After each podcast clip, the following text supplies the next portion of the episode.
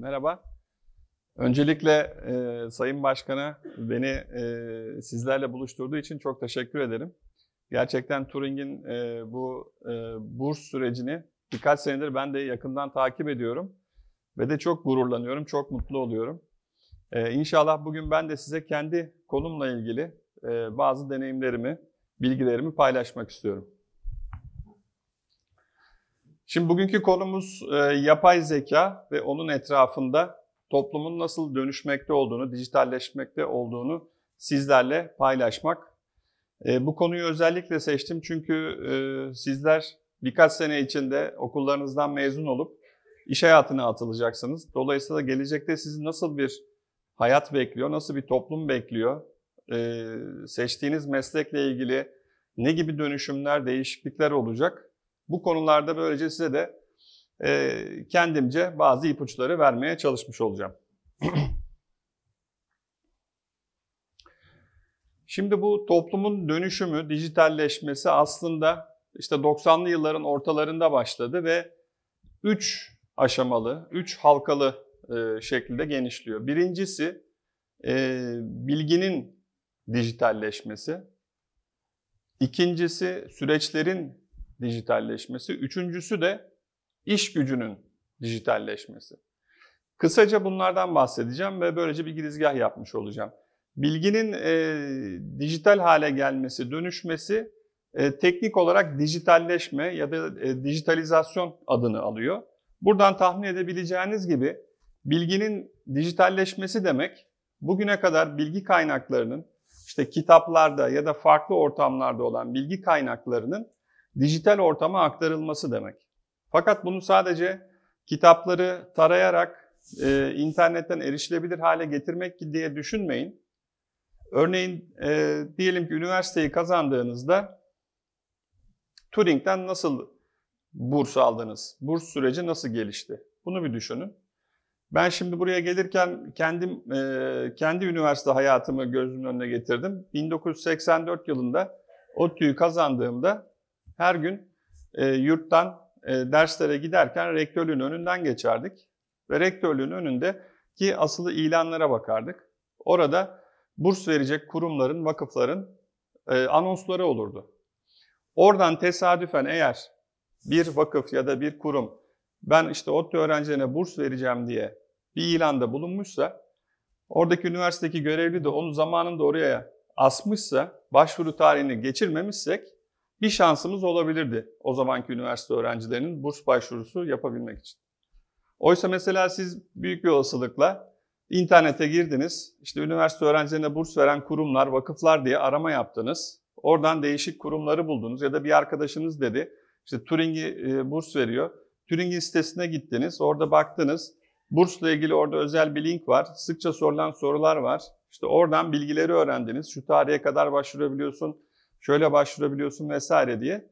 Ve bunları evinizin konforunda ya da işte nerede kalıyorsanız oranın konforunda. Ya Turing acaba nerede? İstanbul'da. Belki sizin üniversiteniz Çekmece'de oradan kalkıp ta buraya kadar gelip e, bilgiyi alıp geri gitmek gibi bir zahmette bile bulunmadan bilgiyi öğrenmiş oldunuz. 84'te üniversite sınavını kazandığımı öğrendiğimde annemle otobüse atladık. Hayatımızda ilk defa ben de Annem de Ankara'ya gittik. Ankara'yı hiç bilmiyoruz. İndik gardan, taksiye bindik. Dedik ki biz ODTÜ'ye gideceğiz. Taksici bizi ODTÜ'ye götürdü. Kapıya geldik. Güvenlik kulübesinde görevli geldi. Buyurun dedi. Dedik ki işte biz üniversite sınavını kazandım ben. E, nasıl başvurulacak? Onu öğrenmek için geldik e, okula falan. Ha tamam bir dakika dedi. Gitti kulübeden bir tane A4 kağıdı, saman kağıdı getirdi. Dedi ki burada bütün bilgiler, tarihler var. Ona göre kaydınızı yaptırabilirsiniz. Bizi içeri bile almadı üniversitede. Hani annem yıllarca rahmetli çok üzüldü. Bir türlü senin üniversiteni göremedim diye. Biz tıpış tıpış kapıdan geri döndük şehre. Otobüse binip İstanbul'a geri döndük. Şimdi bir üniversiteyi kazandığınızda her şeyi internetten yapabiliyorsunuz. Başvuru tarihini, hangi bilgileri getireceğim. Bilginin dijitalleşmesinden kastım e, temelde bu. Ve sizin yaşınız tabii tutmuyor ama yaş tutanlar bilir. Ee, eğer bilgi dijitalleşmemiş ise bilgiye erişmek, ondan istifade etmek eskiden çok e, zahmetli demin anlattığım gibi süreçlerden oluşuyordu. Şimdi ikinci evrede 90'lı yılların e, ortasında başladı bu dijitalleşme, bilginin dijitalleşmesiyle. işte web siteleri büyük bir patlama yaptı. Her kurum, her kuruluş, her şahıs kendisi web sitesi e, kurmaya başladı. İkinci aşamada sadece bilgiyi pasif olarak dünya ile paylaşmanın yanı sıra ikinci aşamada süreçler de dijitalleşmeye başladı. Eskiden bir uçak bileti almak istediğiniz zaman bir seyahat ecentesine gitmeniz gerekirdi. Başkanı bilir. İşte orada siz derdinizi anlatırdınız. Ben şu tarihte şuradan şuraya gitmek istiyorum. Oradaki görevli bilgisayarın başında, bilgisayar olmadan önce telefonla işte bir yerleri arar ya da şeyleri olur. Hava yollarının e, dönemli katalogları olur. O kataloğu açar.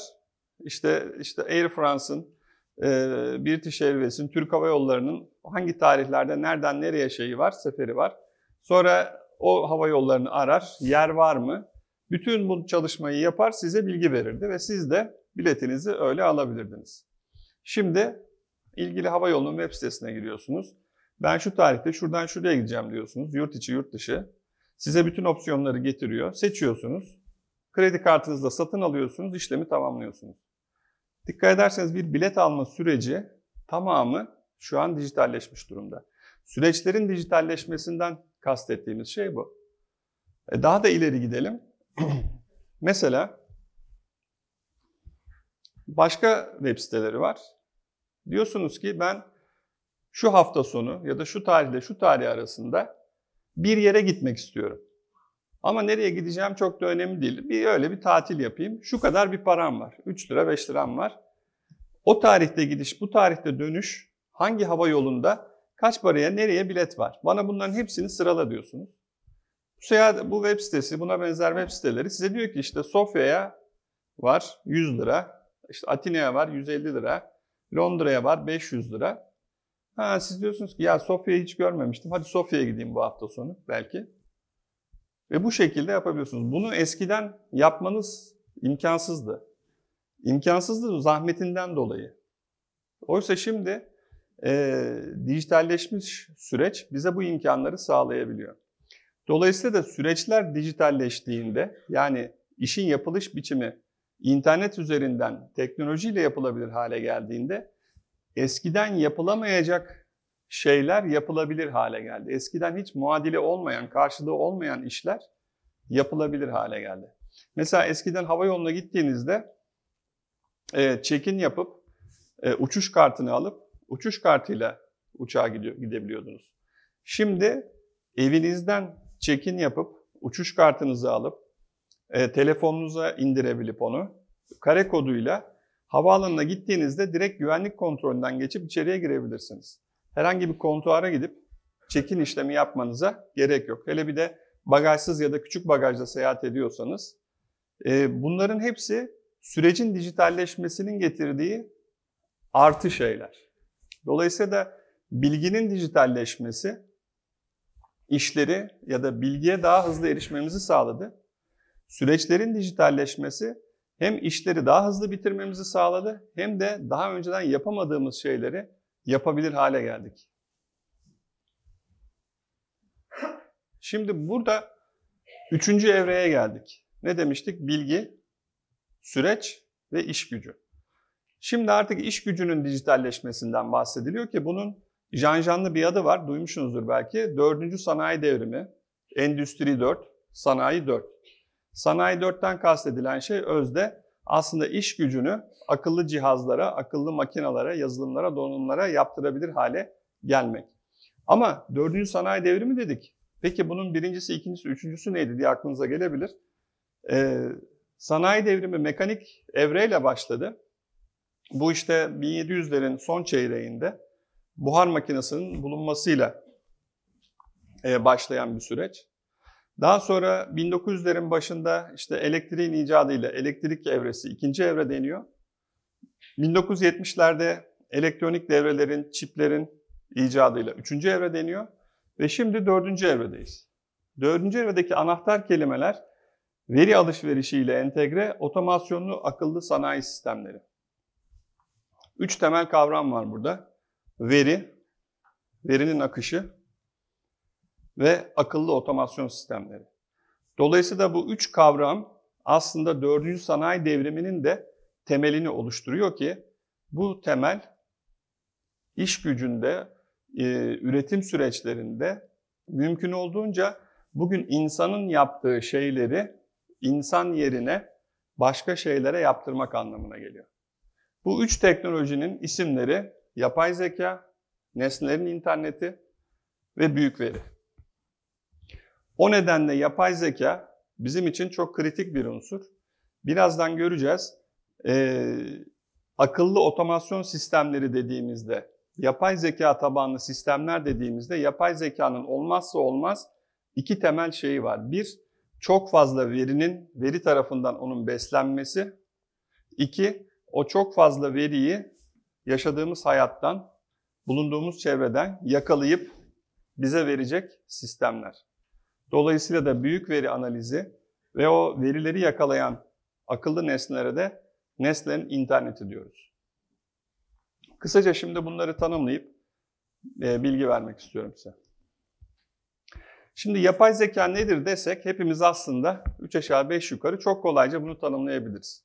Hiç bu konuda fikrimiz olmasa bile kelime bize, ifade bize şunu çağrıştırıyor. İnsan gibi zeki bir şeyden bahsediliyor burada. Ama o şey insan değil de işte bir makine, bir yazılım, bir bir şey olacak, elektronik bir şey ama insan değil. Ama insan gibi zekası var. Evet, özde tanım doğru. Bu ortaya ilk kuramsal olarak Alan Turing adlı İngiliz bir matematikçi tarafından atı, e, ortaya atılmış. Altını çizelim, matematikçi. Şöyle bir test önermiş. 1940'lı yıllarda. Üç tane oda var. A odasında bir tane bir makine var. Adı makine olsun. Siz onu hayal edin. Robot deyin, yapay ne derseniz deyin. Bir makine var. B odasında bir insan var. C odasına da 100 tane denek alacağız ve bu C odasında bu 100 deneyi tek tek sokacağız. C odasına aldığımız deneye diyeceğiz ki bir odada makine, bir odada insan var. Sen bunları görmeyeceksin, duymayacaksın. Ama yazılı olarak bunlara istediğin soruları sorabilirsin. Onlar sana cevaplarını verecekler. Cevapları biz sana getireceğiz. Cevapları okuyacaksın. İstediğin konuda istediğin soruyu sorabilirsin. Gelen cevaplara istinaden yeniden yeniden soru sorabilirsin. Fakat tamam dediğinde bize şunu söyle. Hangi odadaki insan? A odasındaki mi? B odasındaki mi? Birinci kişiyi C odasına sokuyoruz. Bu deneyi yaptırıyoruz. O bir karar veriyor. İkinci kişi 3, 4 hepsini alıyoruz.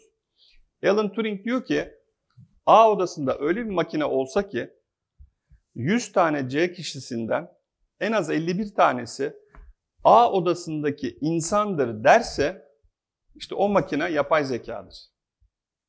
İnsan seviyesinde demek ki insanları bile kendisine kendisini insan olduğuna inandıracak düzeyde zeka düzeyine sahip bir makinedir.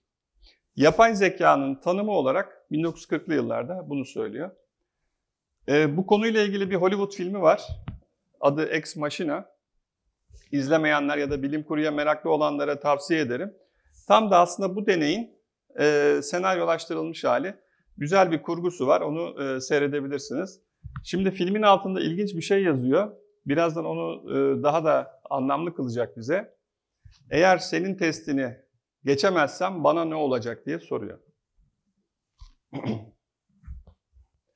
Şimdi yapay zeka alanındaki e, bilim insanları diyorlar ki yapay zekayı üç evrede ele alabiliriz. Dar yapay zeka şu an içinde bulunduğumuz aşama 1940'lardan 50'lerden bugüne kadar.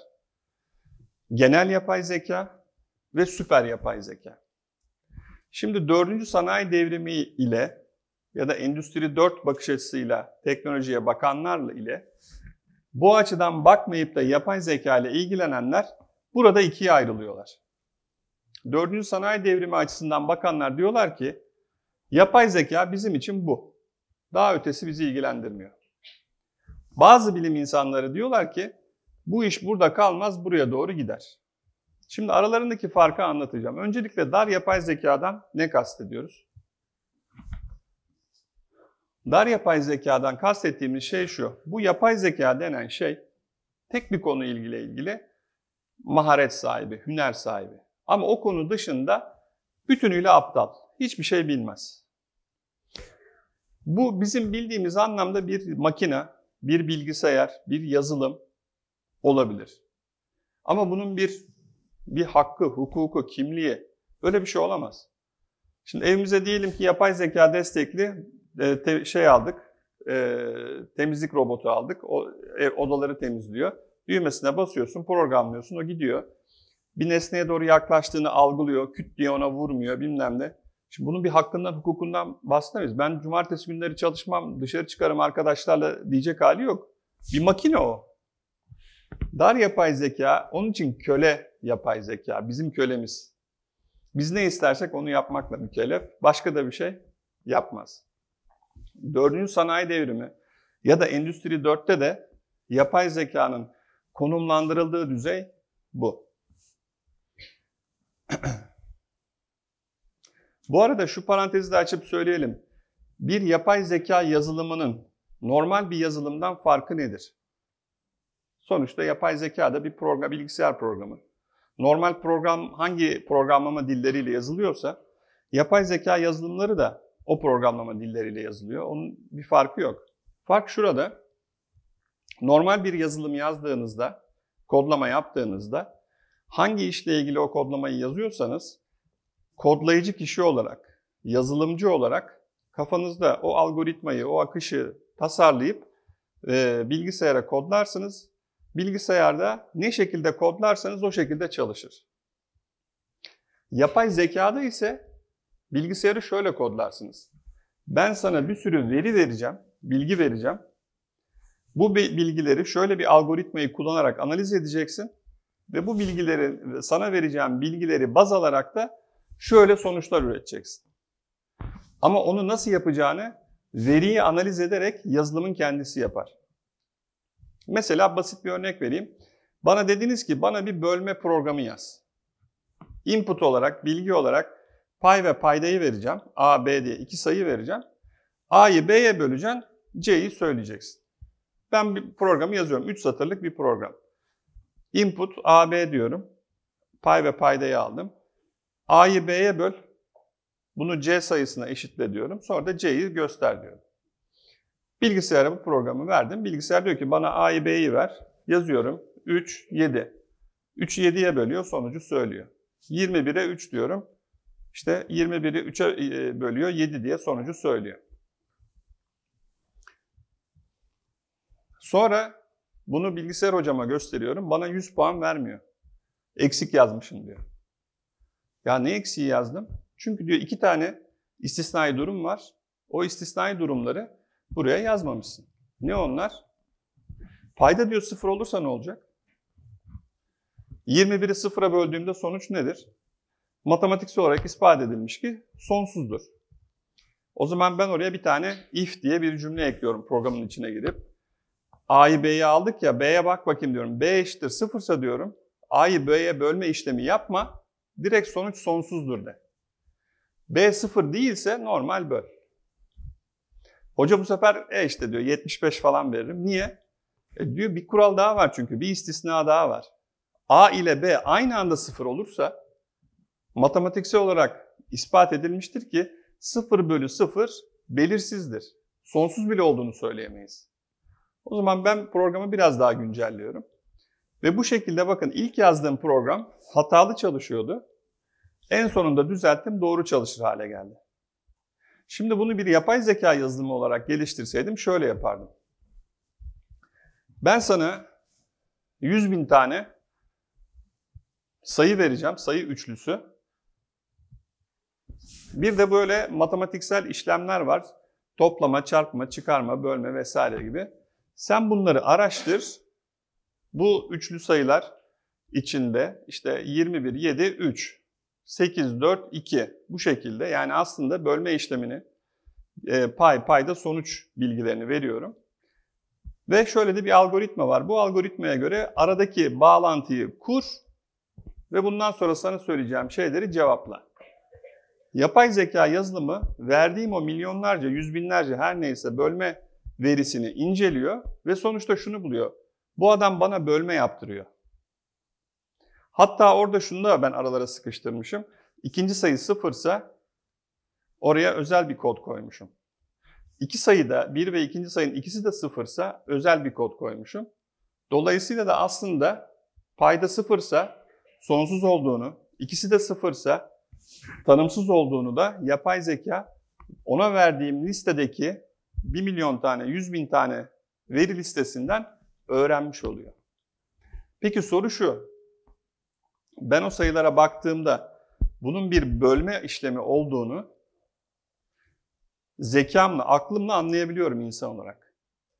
O yazılım anlıyor mu? Anlamıyor. O sadece algoritmanın öyle çalıştığını yakalıyor.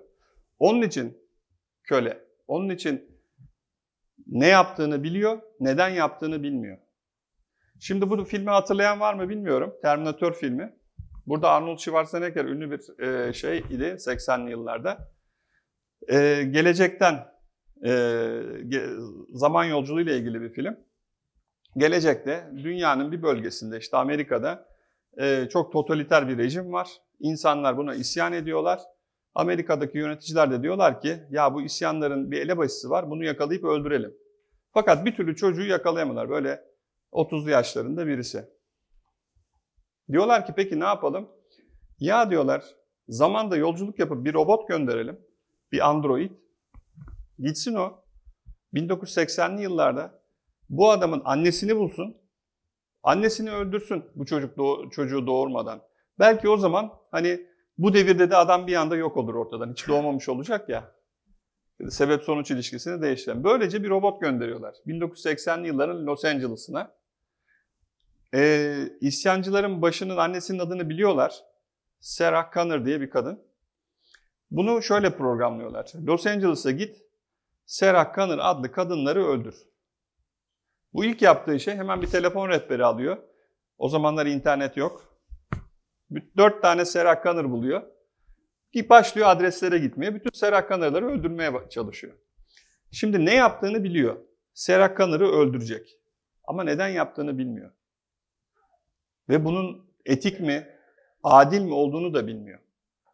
Onun için bizim deminki bölme programı gibi bir şey yap, bir şey farkında ama farkında olduğunun farkında değil. Onun için Homo sapiens diyoruz buna. Ee, insanın şu an gelmiş olduğu şeye ise Homo sapiens sapiens diyoruz. Homo sapiens farkında olmak demek. Homo sapiens sapiens dediğinizde farkında olduğunun da farkında olmak demek. Bilincinde olduğunun da bilincinde olmak demek. Bugün dünyada size sunulan, Türkiye'de ya da dünyada, yapay zekalı şu, yapay zekalı bu denilen her şey şu an bu seviyede. Mesela bunlardan bir tanesi Go oyun, oyunu. AlphaGo diye bir yazılım. Google'ın birkaç sene önce dünyanın en iyi e, Go oyuncusunu yendi. Go satranç gibi bir oyun. Fakat bu arkadaşımız, AlphaGo adlı arkadaşımız Go oynamaktan başka hiçbir şey bilmiyor. Hani gel bir de pişpirik oynayalım desen, pişpiri herhalde bilmiyorsunuzdur. İskambil kağıtlarıyla oyun oynayalım desek ya da tavla oynayalım desek oynayamaz. Sadece Go'yu biliyor.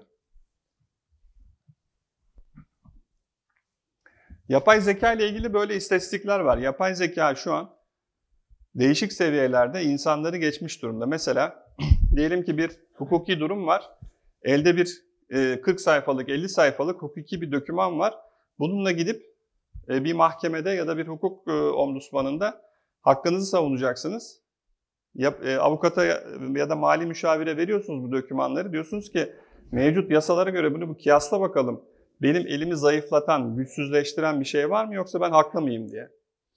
Aynı şeyleri demin anlattığım gibi 100 bin tane diyelim ki e, benzer dosyanın e, girilmiş olduğu bir yapay zeka yazılımına veriyorsunuz.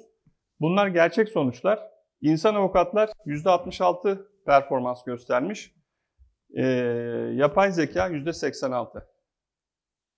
Ama bu yapay zekaya yani yarın hava nasıl olacak diye sor bilmez.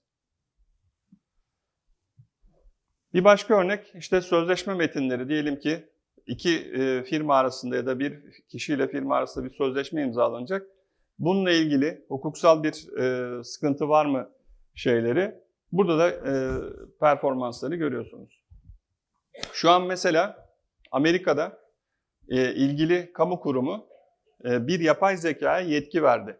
Göz hastalıklarıyla ilgili olarak dedi ki bu yapay zekanın e, muayene ettiği hastalarla ilgili vereceği, e, koyacağı teşhis normal bir insan göz doktoru seviyesindedir. Yani şu ilacı yazmak gerekir diye sonuç üretirse e, bu bir doktorun yazdığı reçete seviyesindedir. Ben işte bunu bu şekilde kabul ediyorum diye. Yani insan seviyesine bu anlamda gelmiş yazılımlar var. Ama unutmayalım hep tek boyutlu bunlar. Sadece belli bir alanda uzmanlar, diğer alanda herhangi bir alanda uzmanlıkları yok. Mesela akıllı telefonlardaki dijital asistanlar, işte Siri gibi, bunların hepsi bu şekilde e, yapay zeka tabanlı yazılımlar.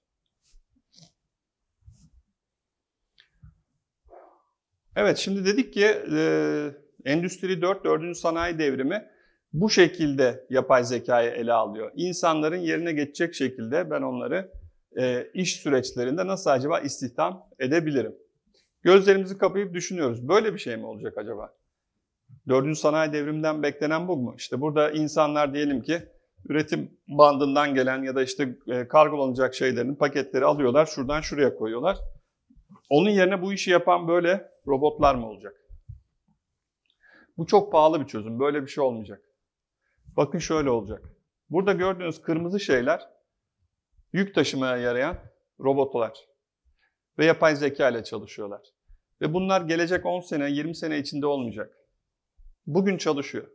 Fabrikalarda robotlar nasıl çalışacak? Bunlar şu an mesela tipik uzak doğudaki fabrikalardan e, örnekler. Mesela bu fotoğrafta e, üretim bandında gördüğünüz gibi şeyleri robot kolları yapıyor. Bu sarı şeyler robot kolları. Fakat deniyor ki gelecekte bütün tamamını, üretimin tamamını bu tür robotlar, robot kolları yapacak. Peki geleceğin fabrikaları nasıl olacak? Bu açıdan baktığımızda hani demin bakmıştık ya hafta sonu nereye gideyim diye süreçlerimizi de dönüştürüyordu e, dijitalleşme. Fabrikaların da çalışma biçimini değiştireceğini iddia edenler var. Geleceğin fabrikaları şöyle olacak deniyor. Şu şeye tıklayabilir miyiz sesin şeyine? Bu bir fabrika. Hiçbir şey görmüyoruz. Çünkü karanlıkta çalışıyor. Neden? E, robotların ışığa ihtiyacı yok ki. Dolayısıyla da deniyor ki geleceğin fabrikaları yer altında bile kurulabilir. Robotlar çünkü bütünüyle tanımlanmış koordinatlara göre hareket edecekler. Işık insanlara lazım. Dolayısıyla örneğin geleceğin fabrikaları karanlıkta çalışan yerlere dönüşebilir. Şimdi yapay zeka ile ilgili her şey icat edildi ve bitmedi. Bir tane de size bir Türk bilim kadınının daha geçen ay e, duyurulan bir yapay zeka e, çalışmasını göstermek istiyorum. Şöyle düşünmüş, e, su altında önce bir matematiksel algoritma geliştiriyor. Fakat su altında fotoğraf çekmeden önce fotoğraf çekeceği yerin oraya gidip bir belki görmüşsünüzdür böyle bir plaka koyuyor. Orada değişik renkler var. Şimdi onun gerçek renklerin ne olduğu biliniyor. Suyun üstüne çıkardığımızda onu biliyoruz. Onu da e, kadraja alacak şekilde değişik açılardan o oluşumun fotoğrafını çekiyor. Sonra onu yapay zeka ile geliştirdiği yazılıma veriyor. O yazılım o karteladaki renklerin e, şeyini bildiği için kıyaslama yapıyor. O zaman diyor görüntü şu şekilde olmalıydı. Şimdi bunun çok ciddi sonuçları var. Videonun sonunda vardı. Mesela diyor ki e, küresel ısınmanın su altındaki yaşamı nasıl dönüştürmekte olduğunu da daha iyi tespit edebileceğiz. Şimdi bakın bu kimsenin aklına gelmeyen bir şey belki de. Ki yani ilk defa dünyada e, bu kadın yaptığına göre kimsenin de aklına gelmemiş. Burada şunu şu mesajı vermek istiyorum. Yani yapay zeka konusunda ya da genel olarak teknoloji konusunda her şey yapıldı. Bize yapacak hiçbir şey kalmadı. Biz sadece işte gidelim, bulalım, kullanalım statüsünde olmamalıyız. Hele sizler bu yaşta hiç olmamalısınız. Sizin gibi gençler gelecek 5 senede, 10 senede, 20 senedeki icatların, buluşların sahibi olacak. Hangi ülkede olduğunuz da hiç önemli değil. İlla ki Amerika'da, Avrupa'da vesaire olmanız gerekmiyor. Çünkü şu an hepiniz, sizin yaşınızdaki dünyadaki bütün gençler dünyada aynı bilgi kaynaklarına ulaşabiliyor. Eğer internet erişimi varsa ister İstanbul'da öğrenci olun, ister New York'ta, ister Paris'te bir değişiklik yok. Şimdi Endüstri 4, 4. sanayi devriminin temel kavramlarından bir tanesi de büyük veri. Büyük veri analizi. Demin hani dedik ya, şimdi de örnek verdik. Yapay zeka programlarını geliştirirken çok fazla eski veriye ihtiyaç var. Ne kadar çok veri verirsek o kadar çok e, yapay zekadan sonuç alma olasılığımız var. Aklınıza şu soru gelebilir. Yanlış bilgi verirsek ne olur? Yapay zeka yanlış öğrenir. Dolayısıyla doğru bilgi vermek o açıdan varsayılıyor ki bilgiyi verecek insanların zaten yapması gereken etik bir davranış. Büyük veriden kastettiğimiz de bu. Yapay zekaya hangi verileri vereceğiz? Şimdi veri istatistiği ile ilgili, verinin dijitalleştirilmesi ve ondan sonuçlar üretilmesiyle ilgili yıllar içinde, son 30-40 sene içinde böyle bir eğri var. Ben sadece son iki tanesinden iki pratik örnek vermek istiyorum size. Bugün artık veri analizinde, büyük veri analizinde, veri madenciliğinde yapılan şey ne olacak sorusunu cevap vermek ve hatta hatta ben şöyle bir şeye ulaşmak istiyorum, bu nasıl yapılır sorusuna cevap vermek. Özellikle ikincisi çok ilginç. Şimdi ne olacakla ilgili pratik bir örnek vereyim. Amerika'da bir hava yolunun genel müdürü değişiyor. Genel müdür e, çalışmaya başladığında ekibi topluyor. Diyor ki en büyük sorunumuz ne? En büyük sorunumuz gecikme diyorlar. Uçakların şeyi zamanında kalkmıyor, zamanında inmiyor. Peki neden? En büyük sıkıntımız diyorlar hava durumu. Hava durumundaki beklenmedik ani değişiklikler ya iptallere neden oluyor, ya rotalarımızı değiştiriyoruz ya da işte geç kalkıp geçiniyoruz. Peki diyor o zaman bu sorunu çözelim. Nasıl çözebiliriz? Araştırıyorlar. Ee, IBM firmasıyla birlikte bir çalışma yapıyorlar ve şöyle bir şey yapıyorlar. Filo'nun bütün uçaklarına sensör cihazlar takıyorlar. Yani küçük şöyle e, şey disk şeklinde sensörler. Uçakların gövdelerine takıyorlar. Uçak işte A şehrinden B şehrine giderken havada her bir dakika içinde 5 kere bulunduğu yerdeki hava durumunu ölçüyor o sensör algılayıcı şeyinden, cihaz sayesinde ve bunu aşağıda buluttaki e, bilgisayara gönderiyor. Her dakika 5 kere bakın. 1 saat boyunca gidiyorsa işte 300 kere hava tahmini yapıyor. En azından o güzergahtaki hava tahminini 300 kere almış oluyor.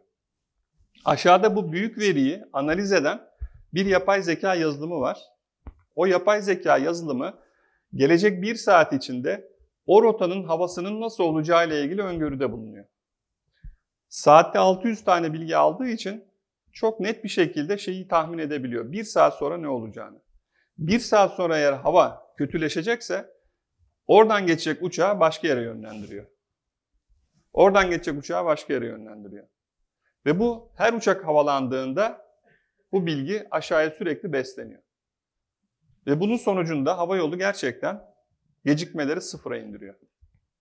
Şimdi bu bizim tek e, çok pratik bir şekilde büyük veriyle ne olacak sorusunu çözmemize sağlayan bir şey. Yani bir saat sonra hava durumu ne olacak?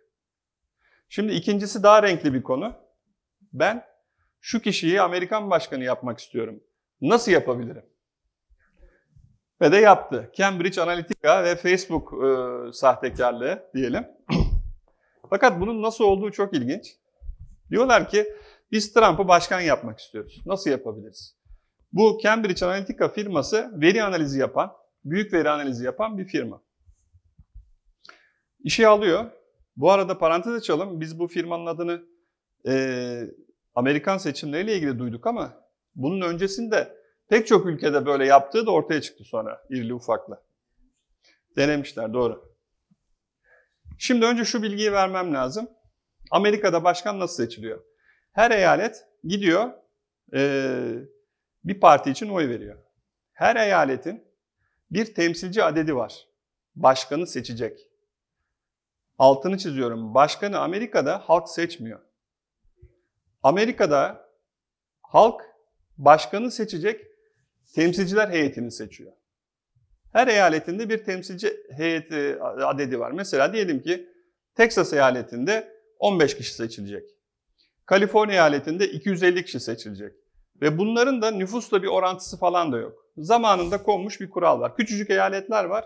Çok büyük temsilcisi e, var. Çok e, büyük eyaletler var. Çok daha az temsilci gönderiyor. Her partide diyor ki bu seçimde eğer ben bu eyaleti kazanırsam bu eyaletten benim namıma şu kişiler gidip başkan için oy verecek. Bu arada şöyle bir şey de var. Diyelim ki A partisi 5 tane temsilci belirledi ve o eyalette A partisi kazandı. O 5 kişi başkanı seçmek için başkente gittiklerinde başka bir adaya da oy verebilir. Kendisine aday gösteren partinin adayına oy vermek zorunluluğu da yok. Ki tarihte bir kere böyle yapılmış. Ama onun dışında %99 A partisinin temsilcisi gittiğinde A partisinin şeyine oy veriyor, adayına ve B'ye veriyor. Bir de şöyle bir kural var. Bir eyalette hangi partinin kazanacağı sayımla yani orantı falan yok. En çok hangi parti alırsa bir oy bile fark olsa bütün temsilcileri o parti alıyor. Yani diyelim 15 bin kişi oy verdi. En çok hangi parti? A partisi 6 bin tane, B partisi 3 bin oy aldı. İşte 3'te ikisini A partisi temsil, 3'te biri B yok. Bütün temsilcileri A partisi alıyor. Dolayısıyla Cambridge Analytica şunu analiz ediyor. Önceki seçimlerde Trump'ın temsilci, temsilcisi olduğu parti yani Cumhuriyetçi Parti hangi eyaletlerde kıl payı kaybetmiş? 8-10 tane şey buluyorlar öyle, eyalet buluyorlar. Diyorlar ki biz bu eyaletlerde oy vermediğini tahmin edebileceğimiz kişilere ulaşalım. O kişileri Trump'a oy verecek şekilde sosyal medyadan manipüle edelim. Onlar gitsinler hayatlarında ilk defa oy versinler. O eyaletlerde Trump'ın partisi kazansın ve sonuçta bütün Amerika kazansın. Ve gerçekten bunu yapıyorlar. Yaptıkları şey sonuçta 200-300 bin kişi. İşin e, üçkağıtçılık kısmı ise bundan sonra başlıyor. Buraya kadar normal bir propaganda. Ama kişileri oy vermeye özellikle de Trump'a oy vermeye şöyle ikna ediyorlar. Mesela ben o profile giren biriyim. Sosyal medyadan beni buluyorlar. Araştırıyorlar. Ben mesela avcılığa çok meraklıyım. Bana hiç tanımadığım bir yerden sosyal medya üzerinden bir mesaj geliyor. Biliyor musun diyor, Trump'ın rakibi var ya eğer bu kazanırsa diyor, bütün avcılık işlerini yasaklayacakmış Amerika'da diyor. Vay nasıl olur falan. Sorma abi ya diyor. Bir tane şeyimiz var diyor zaten hobimiz o da elden gidecek bilmem ne. Bunlar böylece dost oluyorlar. Ve ben bir anda kendime gideceğim ben Trump'a oy vereceğim ya ötekisine oy vereceğime hale geliyorum. Bana o iletişimi kuran ise Rusya'da, Kore'de ya da başka bir yerdeki ücretli insanlar, troll dediğimiz insanlar. Ne Trump'lı ne avcılıkla hiçbir alakaları yok. Ve bunun sonucunda gerçekten Amerikan başkanı bütün istatistiklerin e, alt üst ederek e, Trump oldu. Rakibi Hillary Clinton kaybetti. Büyük veri analizinde en kritik şey deminki uçak hava yolu örneğinde de verdiğimiz gibi e, sensörler. Veri toplayacak sensörler. Biz veriyi değişik yollarla toplayabiliriz. Kağıtla kalemle de toplayabiliriz. Mesela bugün burada kaç kişi var? Hangi arkadaşlar geldi? Kimler gelmedi? Oturma düzeni nasıldı? Kaç erkek, kaç kadın vardı? Hava durumu neydi? Misafirler kimlerdi? Bunların hepsini yapabiliriz. Bunun dışında mesela salonun e, ısısını, aydınlatmasını vesairesini onları da ölçebiliriz. Bunlar için özel işte sensör dediğimiz şeyler. Ya da mesela diyelim ki otomobilleri şoförlerden kurtarmak istiyoruz. Otomobiller kendi kendini sürsün diyoruz. Otomobilin her tarafına sensörler yerleştiriyoruz. Ve o sensörler e, o an bulundukları yerle ilgili bütün analizleri yapıp arabayı yürütüyorlar. Dolayısıyla da sensör teknolojisi büyük veri analizinde bulunduğumuz ortamdan veriyi yakalamak için en kritik teknoloji. İşte bunlara biz nesnelerin interneti diyoruz. Mesela Türkiye'de de bugün herhangi bir AVM'ye gittiğinizde AVM'nin içi sensörlerle dolu. Bazı büyük firmaların zincir e, mağazalarında kapıdan içeri girdiğinizde sizin kim olduğunuzu tanıyor. Mağazadan dışarı çıkarken yüzünüzün şeklinde analiz yapıp o an çıkarken mutlu musunuz, değil misiniz onu anlamaya çalışıyor. Ve mutlu değilseniz, ha, biz tatmin edemediğimiz bir müşteriyle karşı karşıyayız. Bunu nasıl dönüştürebiliriz şeklinde analizler yapıyorlar. Bazı mağazaların yanından geçerken mesela SMS'le şey geliyor. İşte şurada indirim var. Nereden biliyorsun benim şu an hani o mağazanın yakınından geçtiğim ya da o AVM'de olduğumu? E çünkü baz istasyonlarından ya da sensörlerden beni algılayabiliyor. Cep telefonumdan beni yakalayabiliyor ya da yüzümden beni analiz edebiliyor.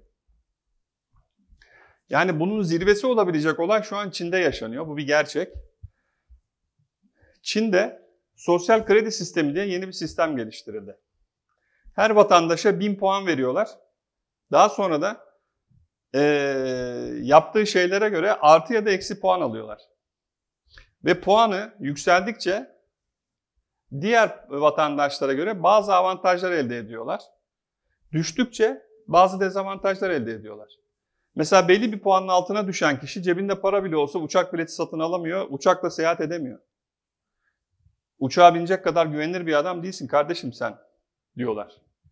Ya da belli bir puanın üstüne çıktığında işte çocuğu okula yazdırmak istersen daha öncelikli istediğin okula yazdırabiliyorsun da belli bir puanın altına düştüğünde yazdıramıyorsun gibi şeyler var. Bunun temelinde yüz tanıma sistemleri var. Koymuş oldukları sadece AVM'lere değil sokaklara da. Geçen ay e, bir BBC e, muhabiri bir test yaptı. Çinli yöneticilerle gitti, anlaştı emniyetle. Adamın yüzünü aldılar, arananlar listesine koydular. Sonra da dışarı çıktı, sokaklarda, AVM'lerde falan yürümeye başladı. Saatini de çalıştırdı. Bakalım dedi de beni kaç dakika içinde tespit edecekler? Saat şey yapıyor, videosu var YouTube'dan bakarsınız. 10 dakika sonra adamın çevresinde 5-6 tane Çinli polis. Ve de çok ilginç bir şekilde yani geldiler böyle. Şimdi polisler de şaşırdı. Adam bir yabancı. Şimdi biz bunu ne yapacağız? Hani gidip tutmuyorlar da ama kaçmasın diye de böyle çember oluşturdular falan. Adam şey dedi. Ha merhaba çocuklar ben de sizi bekliyordum falan dedi. 10 dakika içinde koca Çin'de buldular adamı.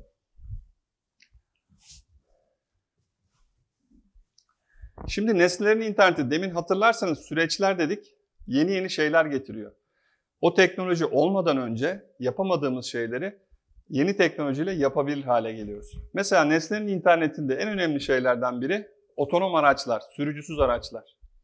Amerika'da Las Vegas'ta mesela Domino's Pizza böyle bir aracı, solda gördüğünüz aracı testte kullanmaya başladı. Pizzalar adreslere arabayla teslim ediliyor. Arabada şoför yok. Araba kendi kendini sürüyor. Adrese geldiğinde arka cam açılıyor. E, müşteri pizzasını alıyor. İşlem tamamlanıyor. Ödemeyi kredi kartıyla yapmış zaten. Fakat bir sonraki prototipte bu cihazların şöyle olacağı varsayılıyor. Sağdaki arabada acaba nasıl bir fark var tahmin edebilir misiniz? Bu da pizza taşıyor evlere. Ama aynı zamanda pizza fırını da var içinde. Dolayısıyla da araba, şimdi büyük veri analizinde hatırlayalım. Diyelim ki Levent tarafında en çok hangi mahalleden, hangi sokaktan şey geliyor, sipariş. Araba gidiyor ona göre yakın bir yerde park ediyor, bekliyor siparişi. Sipariş geldiğinde bir yandan içindeki fırın pizzayı yapmaya başlıyor. Bir yandan da araba hareket etmeye başlıyor adrese doğru. Dolayısıyla da 30 dakika yerine 15 dakikaya düşecek ve sıcak sıcak insanlar pizza yiyor olacaklar. Bu da mesela işte yeni teknolojinin getirdiği yeni bir süreç. Evet diyor ki işte e, Endüstri 4, ben diyor yapay zekadan böyle istifade etmek istiyorum. Ötesi beni ilgilendirmiyor. Bilim insanları da diyor ki bunun ötesi de olabilir. 70-100 sene içinde bugünden yapay zeka o ilk anlattığımız seviyeye ABC odaları oraya gelebilir, insan seviyesine ulaşabilir. Hatta eğer öyle bir seviyeye gelirse diyor, onun üzerine bir 10 sene daha geçtiğinde insanı da geçebilir. Buralar işte korkutucu. Eğer insan seviyesine gelirse Yani şu an bir insan gibi pek çok konuda pek çok pek çok hüneri olan bir varlık haline gelecek. İnsan seviyesine gelirse bugün insanın sahip olduğu haklara sahip olacak. Bir kimliği olacak. Çalışabilecek. Kendi parasını kazanacak. Çalışırsa eğer kazandığı para ona ait olacak. O robotun ya da o şeyin sahip olduğu bir insan olmayacak artık. O zaman vergi de ödeyecek. Evet ödeyecek. Şimdi şöyle sorular geliyor. Ya peki yapay zeka bir robot çalıştı, para kazandı. O parayla ne yapacak kardeşim yani? Valla ben aklıma şey geldi. Kendine gider bir baraj satın alır. Hani elektriğim hiç tükenmesin diye. ya da bir başka arkadaşım şey dedi. Hani eskiden şey repliği vardı. E, yaşı tutanlar gene bilir. Hani gel sana pul koleksiyonumu göstereyim diye. Şimdi robotlar çağında da gel sana pil koleksiyonumu göstereyim mi olacak acaba diye. Fakat bu seviyeye gelirse hani yanınızda bir robot oturuyor olabilir. Ve o toplumda yaşayan insanlar olarak biz bunu çok doğal karşılıyor olabiliriz. Bugün bizim doğal karşıladığımız şey ne? Yanımızda başka ülkeden bir insan olabilir. Ne bileyim başka dil konuşan bir insan olabilir. Biz bunu şu an e, normal karşılayabiliyoruz. Bunların normal olmadığı zamanlar da vardı bu arada dünyada. Belki 100 sene sonra da hani bugün sınıfta kaç kız kaç erkek var diyoruz. 100 sene sonra Turing başkanı diyecek ki bugün kaç insan kaç robot geldi belki de.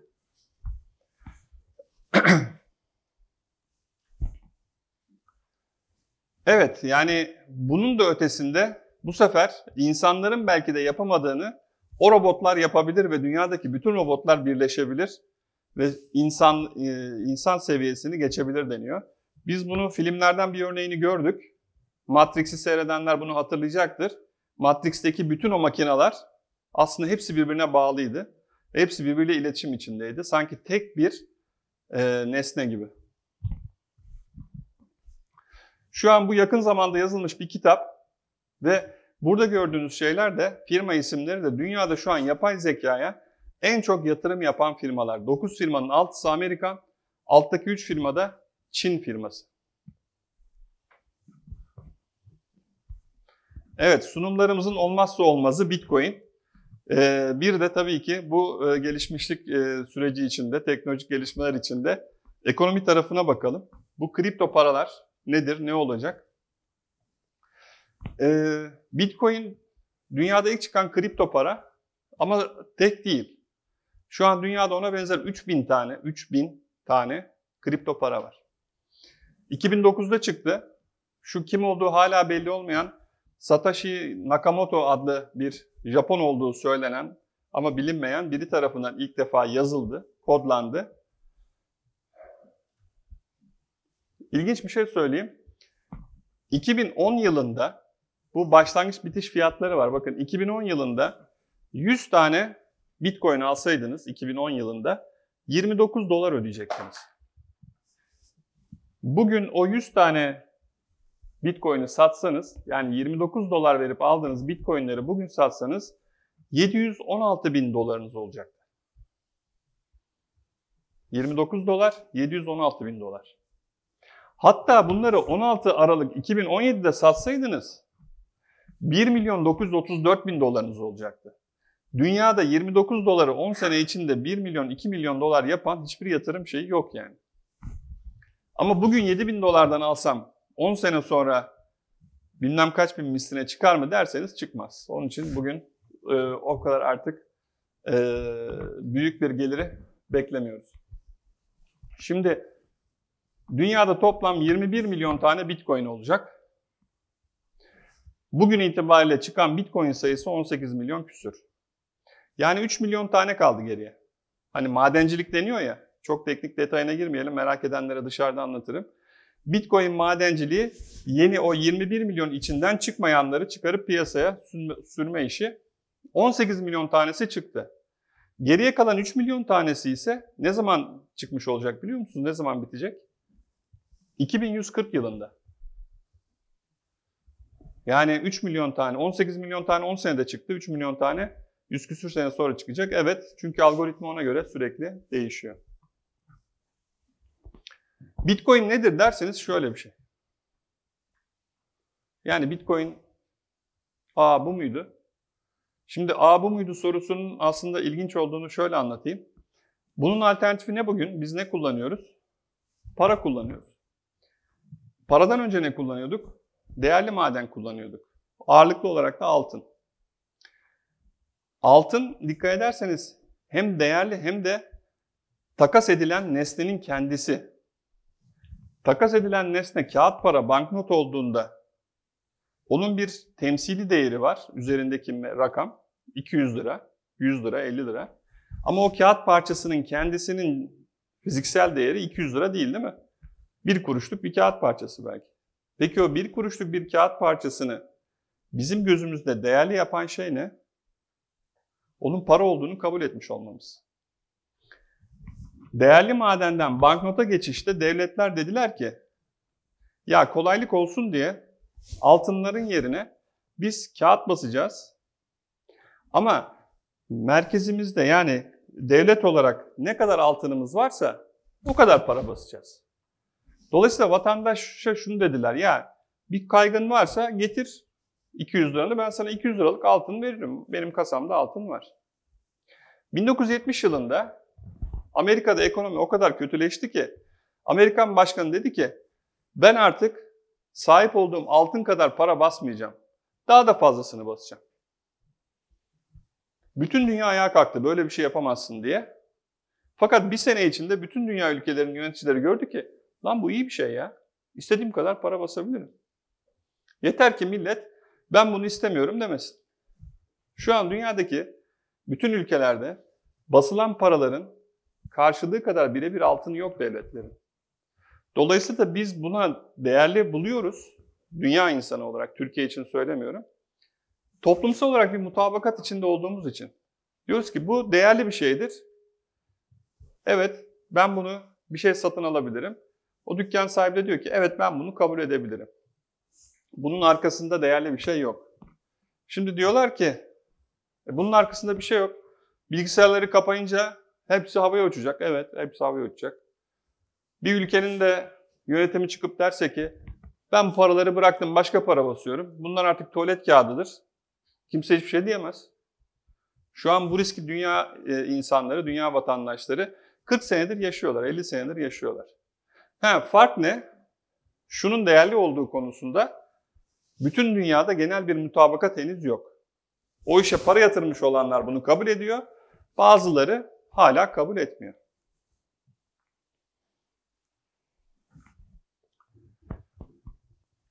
Bitcoin'i ya da genelde kripto parayı normal paralardan ayıran şey bunun arkasında bir devlet, bir merkez bankası, bir e, Birleşmiş Milletler gibi bir kurum böyle bir şey yok. Arkasında hiç kimse yok. Çünkü arkasında cebinde Bitcoin olan herkes var. Öyle bir mimarisi var. Mesela burada birkaç tane para sistemi örneği var. Türkiye'de bir bankadan bir başka bankaya EFT yaptığınızda para şu şekilde transfer oluyor. Bu kırmızı noktalar birer banka, merkezdeki mavi ise Merkez Bankası. Dolayısıyla siz A bankasından B bankasına para gönderirken o işlem önce Merkez Bankası'na gidiyor, o Merkez Bankası'ndan B bankasına geliyor. İki banka arasında doğrudan bir iletişim yok. Neden? Çünkü haklı olarak Türkiye Cumhuriyet Merkez Bankası diyor ki Türk parasının sahibi benim Türk Devleti adına. Dolayısıyla da Türk parası bir yerden bir yere hareket edecekse ben bunu kaydi olarak bilmek zorundayım. Bana beyan edeceksiniz. Şimdi aynısı dünyadaki iki banka arasındaki transferlerde de geçerli. Türkiye'deki bir bankadan Arjantin'deki bir bankaya para göndermek isteyin. Hangi parayı gönderiyorsunuz diyelim ki? Dolar. O doların kaydi olarak bir Amerikan bankasına girip çıkması lazım. Neden? Çünkü doların sahibi dünyada Amerika. Eğer pound gönderiyorsanız bir İngiliz bankasına girip çıkması lazım. İşte Jap Japon yeni gönderiyorsunuz bir Japon bankasına girip çıkması lazım. Bitcoin gönderiyorsanız kim kime gönderiyorsa direkt oraya gidiyor. Peki fark? Bu işlem o şekilde yapılıyor ama kriptolu olarak, şifrelenmiş olarak dünyada Bitcoin olan herkesin bilgisayarına onun kaydı düşüyor. şu kod adlı kişiden şu kod adlı kişiye şu kadar bitcoin gitti diye. Siz onların kim olduğunu bilmeyebilirsiniz. Ama dünyada herkes de o kayıt olduğu zaman aradaki bu mavi noktalara ihtiyaç kalmıyor.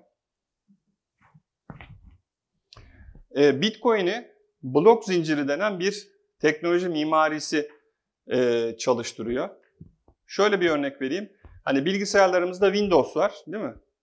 Bir de Windows'un üzerinde çalışan uygulamalar var. Mesela yazı yazmak istiyorsak Word'ü açıyoruz. Sunum için diyelim ki PowerPoint'i açıyoruz. Şimdi Windows'un karşılığı blok zinciri mimarisi altyapı olarak. Onun üzerinde çalışan Word, Excel vesairenin karşılığı da işte Bitcoin, Ethereum ya da diğer kripto paralar. Dolayısıyla blok zinciri altyapısı üzerinde her türlü kriptolu uygulama geliştirilebilir. Neler olabilir? Bir örnek verelim. Amerika'dan bir örnek. Ee, sebze meyve satan bir büyük e, şey, perakende zinciri raflarına kare kodlar koyuyor. Bir de uygulama geliştirmiş durumda. Müşteri uygulamayı cep telefonundan kare kodunu okuttuğunda o şeyin, e, sebzenin ya da meyvenin hangi tarihte, e, hangi tarladan, hangi eyaletteki, hangi şehirdeki, hangi tarladan hangi gün toplandığını, ne zaman kamyona yüklendiğini, kamyonda seyahat ederken kamyonun içindeki hava sıcaklığının ne olduğunu, rafa gelene kadar nerelerde ne kadar beklediğini hepsinin istatistiğini, dökümünü görebiliyor. Dolayısıyla da taze mi, değil mi ona orada karar verebiliyor. Buradaki blok zincirinin katma değeri şu, o bilgiler sisteme girildiği sürece tabii ki hiçbir şekilde değiştirilemiyor. Yani 20 günlük malzeme ama daha dün toplandı üç kağıdını yapamıyorsun. Bir başka örnek. Gayrimenkul. Herkesin işte her ülkede evi, ne bileyim işte arsası vesairesi var, dairesi var. Bunların da bir tapu kaydı var. Elimizde de onu gösteren tapu senetleri var. Şimdi biz burada neye güveniyoruz? Devletin tapu kayıtlarına güveniyoruz. O tapu da şu adresteki e, gayrimenkul kime aitse bu tür, Türkiye'de o, o kişinin demektir. Nokta. Peki ya devlet o kayıtları değiştirirse? Ya şurada bizim bir apartman dairesi var sanayi mahallesinde. Babam almış 30 sene önce. 20 senedir de ben oturuyorum. Geçen gün satmaya gittim. Tapu dairesinden bana dediler ki kardeşim orası senin değil ki. Ali Rıza Bey'in var. Ali Rıza Bey'in o. Ya nasıl olur? Elimde tapu senedi var. O tapu senedinin hiçbir değeri yok. Oradaki devletin kaydı önemli. Orta Amerika'da bir ülke var. Adı Honduras. Honduras devleti bunu yaptı. Birkaç sene önce. Bir hafta sonu bütün kayıtları değiştirdi tapudaki. 40 senedir, 50 senedir bu ev benim diye oturan insanlar bir anda evsiz barksız kaldılar. Dolayısıyla yani hani devlet de kendi vatandaşına demek ki kazık atabilir. Peki bir blok zinciri uygulaması olursa tapu bilgileri kriptolu olarak saklanır ve hiç kimse onu değiştiremez. Buradaki uygulama ona benzer bir şey. Böyle bir şey yapılabilir diye. Evet, kapanışta şunu söylemek istiyorum. Ee, Eric Schmidt, Google'ın uzun süre genel müdürlüğünü yapmış kişi. Onun böyle bir lafı var. Teknoloji diyor özünde yıkıcıdır. Teknoloji doğası gereği yıkıcıdır. Nasıl olabilir? Biz teknolojiyi hep iyi şey olarak bahsediyoruz. İşte bir örnek size. Bilgisayar çıkmadan önce soldaki bilmiyorum cihazı hatırlayan bilen adını var mı? Daktilo. Bilgisayar olmadan önce daktiloya yazılırdı elle yazılmış olan metinler. Şairler, yazarlar, iş dünyasında sekreterler daktiloya yazardı. Bilgisayar çıktı. Artık hiçbir yerde daktilo göremiyoruz. Şimdi daktilo teknolojisi için bilgisayar teknolojisi yıkıcı bir unsur değil mi? Yıktı daktiloyu. Artık daktilo tamircisi kalmadı. Daktilo fabrikası kalmadı. Daktilo sarf malzemesi, şeritleri vesairesi vardı. Onları üretenler kalmadı. Onun yerine bilgisayarcılar var. Benzer bir şey gelecekte de olacak, hep olacak. Bugün bilgisayarla yaptığımız pek çok işi yapay zeka yapıyor olacak. Bugün siz sizden 20 sene önce, 15 sene önce sizin bulunduğunuz yerlerde okuyup iş hayatına atılmış kişilerin iş dünyasında bulduğu işleri bulamayacaksınız. Çünkü o işlerin %80'ini artık bilgisayarlar yapıyor olacak. Ama size hala dünyada yer var. Çünkü hiçbir zaman bitmedi. 30 sene önce ben sizin 35 e, sene önce sizin yaşınızdayken bana diyorlardı ki bütün bilgisayarlar bütün işleri alacak insana yer kalmayacak. Yani yer kalmamak değil, insana daha da çok ihtiyaç var şu an 35 sene öncesine göre. Dolayısıyla 5 sene sonra, 10 sene sonra gene size ihtiyaç var. Ama hangi şartlara sahip olmanız gerekiyor? Sahip olmanız gereken beceriler, mesleki beceriler 15-20 sene önceki muadillerinize göre çok daha yüksek, çok daha fazla. Peki burada bize rehberlik edecek şey ne? Çok basit. Öncelikle kendinizi tanımanız lazım. Siz kimsiniz? Ben kimim? Hani Yunus Emre diyor ya, bir ben vardır bende, benden içeri. İşte o sizden içeride olan siz kimsiniz? Kendinizi ne kadar tan- tanıyorsunuz? Kendinizi tanımaktaki en önemli rehberlerden bir tanesi öz değerler olabilir. Öz değerleriniz ne? Siz hayatta birey olarak neye değer veriyorsunuz? Toplum size bir, bir sürü şeyi empoze ediyor. Toplum diyor ki her dünyanın her yerinde biz şöyle şeylere değer veriyoruz. Sen de eğer o şeylere değer veriyorsan bizim takımın bir parçası olabilirsin. Eğer siz o takımın bir parçası olmak için aslında özde benimsemediğiniz bir değere değer veriyormuş gibi olursanız mutsuzluğa doğru gidersiniz. Belki hayatta başarılı olursunuz ama mutlu olmayabilirsiniz. Onun için değerlerinizi, kendinizi tanımanız, bu meslekte neler yapmak istediğinizi arayıp bulmanız, sualtı fotoğrafları ile ilgili yapay zeka geliştiren bilim kadınını hatırlayın. Siz ne yapmak istiyorsunuz? Bunları tespit ettiğinizde de başarılı ve mutlu olabilirsiniz. Dünyada icat edilecek pek çok şey var her alanda. Ve onları sizler yapacaksınız.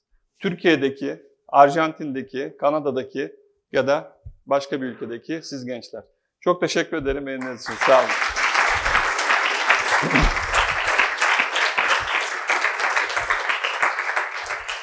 Ee, soru varsa birkaç dakika soru alabiliriz herhalde. Vaktimiz var. Ee, Mehmet Şerif Mahmutoğlu, Milli Savunma Üniversitesi Yüksek Lisans. Ee, hocam ben öncelikle bir konu adına teşekkürle başlamak istiyorum.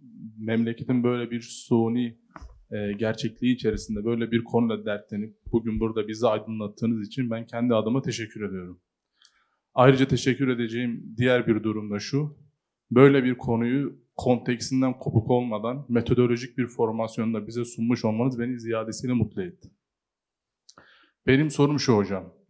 E, tüm bu anlattığınız unsurların her birinin temelindeki mefhum, insanın içini içindeki merak olgusu mu yoksa e, para ya da işte iktisadi kaygı mı? Yani iktisadi kaygı mı ağır bastı bunların gelişmesine yoksa içindeki merak, insanın içindeki merak unsuru mu tetikledi bu unsurların evet. gelişmesine? Teşekkür ederim. Evet. Şimdi güzel bir soru şöyle cevaplayayım. Bilim insanı merak üzerinde aslında çalışmalarını inşa ediyor. Maddiyat, para veya diğer bu alana girecek konular ise aslında son 200 senenin özellikle derdi. Sanayi toplumuyla birlikte yani o dedik yani buhar makinesi vesaire. Onunla birlikte başlayan e, kapitalizm dediğimiz ekonomik terminolojide, kültürel terminolojide e, modernizm dediğimiz şey aslında bütünüyle maddi maddiyat üzerine kurulu bir şey. Onun için de özellikle şeyde altını çizdim yapay zekada. Mesela dördüncü sanayi devrimi diyor ki bunların hepsi sanayi devriminin yeni bir evresidir. Hani bugün konumuz değil ama ben şuna inanıyorum. Bunlar bambaşka bir toplumu da oluşturabilir. Sanayi dediğimiz, kapitalizm dediğimiz şey çökebilir. Teknoloji bugün bunları çökertebilir ki Bitcoin'in öyle bir potansiyeli var. Dolayısıyla da aslında merak güdülenmesiyle bilim yapan insanların ortaya koyduğu şeyleri maddi imkan dürtüsüyle alıp onları kendi kötü amaçlarına alet eden bir dünyanın karışımı içindeyiz. Bu ama şunun altını özellikle çizmek istiyorum. Bu kapitalist bakış açısıdır. Dünyaya şu an sanayi toplumu ya da kapitalizm diyor ki başka bir bakış açısı olamaz. Hayır, başka bir bakış açısı var. Sizler gerçekten meraklarınızın sonucunda kendinizi iyi hissettirmek için, hissetmek için yeni şeyler icat edebilirsiniz. Bilim insanları icatlarını öyle yapıyorlar. Yani bilim insanı şöyle şey düşünmüyor. Ya bir fizik konusunda bir şey icat edeyim, voleyi vurayım. Böyle bir şey yok. Bu niye böyle oluyor diye sorguluyor. Sonucunda bir şey icat ediyor. O manevi tatminini alıyor. Başkası gelip onu ya ben bunu yeni bir teknolojiye dönüştürebilirim. Buradan iyi parayı vurabilirim vesaire yapıyor. Mesela bir örnek vereyim. World Wide Web web sitelerinin teknolojisini geliştiren kişi bir İngiliz. Tim Berners-Lee. CERN'de, İsviçre'deki CERN'de hani o e, laboratuvar var ya araştırmalar yapılıyor. Orada çalışan birisi. Ve o teknolojiyi icat ettiğinde, geliştirdiğinde web e, mimarisini o laboratuvara bağışladı bütün telifini. Ben dedi bir kuruş bile istemiyorum bu işten. Yeter ki hani bilgi dijital olarak herkesle paylaşılabilir hale gelsin. E, Ayça Gülsün Engin, Marmara Üniversitesi Kimya Bölümü. E, şimdi teknoloji hep gelişiyor ya, bir dizide görmüştüm. E, bir adam vardı teknoloji hani böyle yıkıcı unsur falan diye böyle onu savunuyordu. İnsanların e, teknolojiyle böyle kötü şeyler getireceğini hı. falan düşünüyordu. O yüzden e, insanların beynini yavaşlatmayı şey yapmış, çalışıyordu. Ama şimdi işte bu yüzden e, insanlar gelişecek ya, beynimiz gelişecek, teknoloji de olarak gelişecek. Yani teknoloji gerekli bir şey e, oluyor. E, şimdi yapay zeka falan öyle ilerleyecek ya. Evet. Biz bunu kötü şeyler olmadan nasıl bir şey yapabiliriz, dönüştürebiliriz? Şimdi öncelikle şunu altını çizelim. Teknoloji her ne formatta olursa olsun yani sadece dijital teknolojilerden bahsetmiyorum. Mekanik bir teknoloji de olabilir. Mesela bir tabanca bir teknolojidir. Bir boya fırçası bir teknolojidir. Bütün bu teknolojiler, maddi teknolojiler, maddi kültür ögeleri bunların hepsi birer araçtır. Dolayısıyla da özü gereği kendisi iyi ya da kötü olamaz. Onu kim iyi amaçla kullanıyorsa ya da kim kötü amaçla kullanıyorsa o yöne o teknolojiyi yönlendirmiş olur. Yani biliyorsunuz şu an dünyada en önemli e, uluslararası ödüllerden biri Nobel ödülü biliyorsunuz değil mi Nobel ödülünü?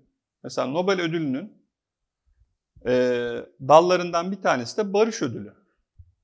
Peki Alfred Nobel yani bu ödüle ismini veren kişi neyle meşhur biliyor musunuz? Dinamiti icat etmesiyle.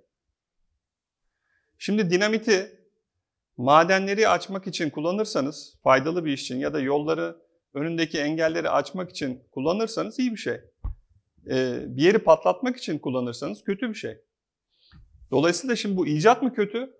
Bu icadı kullanma sebebi mi kötü? Ya da iyi? Onun için teknoloji iyi ya da teknoloji kötü demek doğru değil. Kullanımına göre değiştirebiliriz. Şeyler bana biraz yap- ya- yapay geliyor. Yani insan beynini yavaşlatalım, şey yapalım çünkü böyle olursa kötü olur. Öyle bir şey yok. Bir de şunu düşünelim. Hani dedik ya insanlığı geçerse yapay zeka, insanlığı acaba ele mi geçirir? Şimdi şöyle bir bilim kurgu öykü yazmış olalım. Böyle bir gelişmiş yapay zeka var. Oturuyor böyle düşünüyor. Ya diyor şu yüzyıllardır diyor dünyayı bu insanlık yönetmiş diyor. insan ırkı. Nedir bu insan ırkı? Bir araştıralım diyor. Şimdi siz de araştırın insan ırkını. İnsan ırkı dünyada neler yapmış? Mesela soruyorum doğaya ne yapmış? Kendisine ne yapmış? Birbirleriyle sürekli savaşmış. Yapay zeka diyor ki ya bunlar kötü bir şey kardeşim canlı türü. Bunu kaldırmak lazım ya yeryüzünden. Bunlar yani zarar verecek gezegene. Kendilerine de zarar veriyor, kendilerine, e, yeryüzüne de. Yani insanlığı ortadan kaldırsa kötü mü olur acaba? Benim vallahi şüphelerim var. Belki de iyi olur. Hani biz kaybederiz insan olarak ama yaşam belki form değiştirip devam edecek. Önemli olan çünkü yaşamın devam etmesi. Hani biz insan olarak ben buraya geldim gitmeyeceğim diyebiliyor muyuz? Diyemiyoruz değil mi? Her canlı ölümü tadacaktır. Ama biz ne yapıyoruz? Canlılığı devam ettirmek üzere üstümüze düşeni yapıyoruz. Evleniyoruz, çoluğumuz çocuğumuz oluyor, dünyaya bir şey katmak istiyoruz. E bunu insan vücudunda değil de başka bir vücutta daha iyi olması acaba belki de daha iyi bir şey. Bilmiyorum. evet buyurun. Merhabalar. Öncelikle teşekkürler sunum için. Buradan hareketle. Ben de geçenlerde Yıldız Teknik Üniversitesi, Üniversitesi'ndeyim. Yüksek lisans yapıyorum. İnşaat mühendisliğinde bu arada. Burak ismim. Ee, Teknopark'ta bir şirketin e, müdürüyle oturuyoruz. Bir şey söyledi. Ee, yapay zekayla e, böyle roman yazan ya da kısa hikayeler yazan bir uygulama yapma gibi bir fikrim var. Ben de şey düşündüm o zaman. Yani bunları hani okuyan kişi ne hissedebilir? Veya mesela yapay zeka ile biz daha iyi romanlar üretebiliriz. Daha ya da bilmiyorum 100 sene sonra belki de kusursuza yakın e, işte resimler çıkacak. işte kullanılırsa tabii. Ya da edebi eserler çıkabilir. Çünkü hani sıfıra yakın hatayla çalışabilir. Şimdi bu konuda sizin görüşleriniz ne öncelikle? Mesela yapay zeka ile yazılan mükemmel bir romanı mı okumayı yeğlersiniz yoksa e, bir insan elinden çıkmış hataları olan kusurlu bir eseri mi yeğlersiniz? Ve burada bir hani abi yeter hani burada duralım. E, biraz da insanın hatası olması lazım. Sanatsal anlamda soruyorum. Bu Evet. konu hakkındaki görüşlerinizi merak ediyorum. Evet ya çok aslında çok e, zor bir soru. Neden zor bir soru biliyor musunuz? Mesela şimdi ben yaşım gereği siz daha şimdi daha mesela diyelim ki müzik zevklerinizi tartışsak şu an sevdiğiniz e, müzikleri yapan kişilerin çoğu genç ve hayattadır. Şimdi bizim yaşımızdaki kişilerin sevdiği müzik tür, e, türlerine baktığımızda onların bestekarları ya da onları e, şey yapanlar, icra edenler ya çok yaşlandı ya da öldü gitti. Dolayısıyla mesela bizim sevdiğimiz insanların yeni şarkı besteleme, yeni şarkı söyleme olasılıkları yok artık. Dolayısıyla ben şöyle düşünüyorum mesela hani demin dedik ya böyle bir sürü veri veriyoruz yapay zekanın içine. Hani sevdiğimiz bir müzik grubunun bütün şarkılarını bir yapay zekaya versek desek ki bak baba işte hani böyle müzik yapmış bu adamlar. Şimdi bana yeni bir müzik yap, yeni bir albüm yap. Valla yani dinlemek isterdim yani çok merak ederdim. Ya da diyelim ki Dostoyevski'nin yeni bir romanı çıktı. Hani bütün romanlarını bir yapay zeka incelemiş ve yeni bir Dostoyevski romanı yazmış. Ya da ne bileyim hani yeni bir Yaşar Kemal romanı yazmış. İlginç olabilirdi. Ama bakın burada hep bir ama var. O da şu. Yaşar Kemal yaşasaydı bir sonra yazacağı roman belki de o güne kadar hiç yazmadığı türde bir roman olacaktı. Öyle bir olasılık var mıydı? Vardı. Ama yapay zekaya bugüne kadar yaptıklarını verip bunu baz al dediğimiz için onun çıkaracağı yeni roman hiçbir zaman yepyeni bir roman o anlamda olamayacaktı. Hep o güne kadar çıkmışların bir kopyası gibi olacaktı. Hani edebiyat eleştirmenlerinin çok sevdiği bir cümle vardır. Yazar burada kendini yine tekrarlamış. İşte o yapay zeka büyük bir olasılıkla tekrarlayacaktı. Onun için hani tam böyle o yazar gibi yazmış olamayacaktı diye düşünüyorum. Ee, Mehmet Korumedi, Pro Üniversitesi Hukuk. Hocam ben şunu merak ediyorum. Yapay zeka ve Endüstri 4 dediğimiz konuşmalarda hep genelde sizin dediğiniz gibi kapitalist bakış açısıyla bir anlatım oluyor. Ve ama üretim teknolojisindeki gelişmeler de önemli. Mesela 3D yazıcılar var. Biz Evet. artık yani doku basabiliyoruz, organ basabiliyoruz vesaire. Evet. Bu noktada bu teknolojinin Endüstri 4'ün de önüne geçebileceğini düşünüyor musunuz? Yani çünkü biz hiçbir ihtiyacımız olmadan kendi kendimize her şeyi üretebileceğimiz bir noktaya gelebiliyoruz. İşte silah basıyorlar vesaire vesaire. Bunu merak ediyorum ben. Evet yani şimdi Sanayi 4.0 Almanya merkezli bir aslında ideoloji. Bunu Alman hükümeti 6-7 sene önce çıkardı. Ve bu Davos'ta hani her sene Ocak ayında bir zirve yapılıyor ya Dünya Ekonomik Forumu'nun yaptığı e, şey zirve. O zirveyi organize eden bu vakıf da bunun en büyük savunucusu. Sanayi 4.0 diye. Ama özellikle size bunun altını çizerek söylemek istiyorum. Bu olasılıklardan bir tanesi. Sanayi 4.0 bütün dünyada olacak diye bir şey yok. Ama nereye açsanız gazeteyi sanayi 4.0 deniyor ya da başka bir şey denmiyor. Hayır olabilir. Alternatif olabilir. Mesela Amerika başka bir alternatif üretmeye çalışıyor. Onlar da e, hatta biraz da şey olarak 5. sanayi devrimi dediler. Ve biz dediler mesela senin altını çizdiğin gibi e, 3D printerlarla cihaz, e, nesne üretmeye odaklanacağız. Türkiye'de çıkıp başka bir şey diyebilir. Onun için yani hep o mesajı vermek istiyorum gençlere. Hani böyle köşeler tutulmuş. Biz hangi köşeyi sevelim, oraya gidelim. Hayır yani bir köşede biz yapalım. Biz de 7. sanayi devrimi diyelim ya da birinci başka Türk devrimi diyelim. Ama farklı bir paradigması olsun. Mesela insanları mutlu etmeye çalışalım, zengin etmeye değil. İTÜ Fizik Mühendisliği 2. sınıf Mahmut Esat Tutar. Hocam öncelikle benim e, sorum Ex Machina'daki eğer kaybedersem ne olacak kısmındaki biraz ütopik bir soru olacak. Şu an e, yapay zekayı sınırlandıran insan mı yoksa tam tersine insanı mı yapay zeka sınırlandırıyor? Mesela e, şu an şeylerdeki F-16'lardaki ilk dalaşlarında kıvrak zekaları içinde insan olduğu için bu uçaklarla yapamıyoruz. Ee, bir G kuvvetine dayanabiliyor insan. Bunun üstüne insanı çıkardığımızda geçebiliyoruz. Bu Ex Machina'daki sözü biraz daha açabilir misiniz? Evet. Ee, şimdi orada ilginç bir bilinç düzeyi vardı. Oradaki robot ya da e, görüntüsü itibariyle Android kendisinin bir teste tabi tutulmakta olduğunu biliyor ve de o testi geçeme- geçemezse başına ne geleceğini de merak ediyor. Aslında onu bir robot değil de oraya bir insan koysak, o filmde o insan camekanlı bir odanın içinde hapis tutuluyordu. Dolayısıyla fiziksel olarak istediği her şeyi yapamayacağını, yapamayacağımızı anlasak bir yerde biz hapis tutuluyoruz. Ve biri geliyor zaman zaman bize bakıyor, bir sorular soruyor falan. Anlıyoruz ki bu bizi sorguluyor, bir şey yapıyor. İnsan olarak tepkilerimiz ne olurdu? Ben niye buraya getirildim? Bu adam bana bunları niye soruyor? Ee, vereceğim cevaplara göre acaba beni öldürecek mi? Bu bir bilinç düzeyinin göstergesi. Bunu bile soruyor olmak zaten bir e, robot için ya da bir yapay zeka için insan düzeyine gelmiş olmak demek. Ama orada oturan bir robot düşünün. Birisi geldiği zaman konuşuyor. Gittiği zaman öyle bekliyor. Şimdi burada zaten bir anomali var değil mi? İnsan öyle yapmazdı. Çünkü insan bir yere kapatılmak istemez. Canı dışarı çıkmak istiyorsa çıkmak ister. Dolayısıyla o sorunun aslında temelinde yatan şey bu. Bazı alanlarda dediğin şey çok değerli. İnsan aslında süreci engelleyici, yavaşlatıcı ya da durdurucu bir öge haline gelmiş durumda. Mesela bu yapay zeka konferanslarında e, şunu dile getiriyoruz. Hani insan seviyesinde yapay zeka olmalı mı olmamalı mı tartışmasında. Hani e, Japonya'da büyük bir şey oldu ya, e, nükleer santral tsunami'den sonra devre dışı kaldı ya ve de nükleer sızıntı oluştu. Şimdi diyelim ki böyle bir felaket var ve birinin gidip işin merkezindeki tam da o nükleer sızıntının olduğu yerdeki bazı e, vanaları, bir şeyleri kapatması gerekiyor. Şimdi bunu bir insana yaptırsan o insan ölecek belli. Şimdi elinde köle seviyesinde bir robot mu olmasını istersin? İnsan seviyesinde mi? Bir insan seviyesinde bir robota git kapat dediğinde baba ben niye kapayım ya sen git diyecek.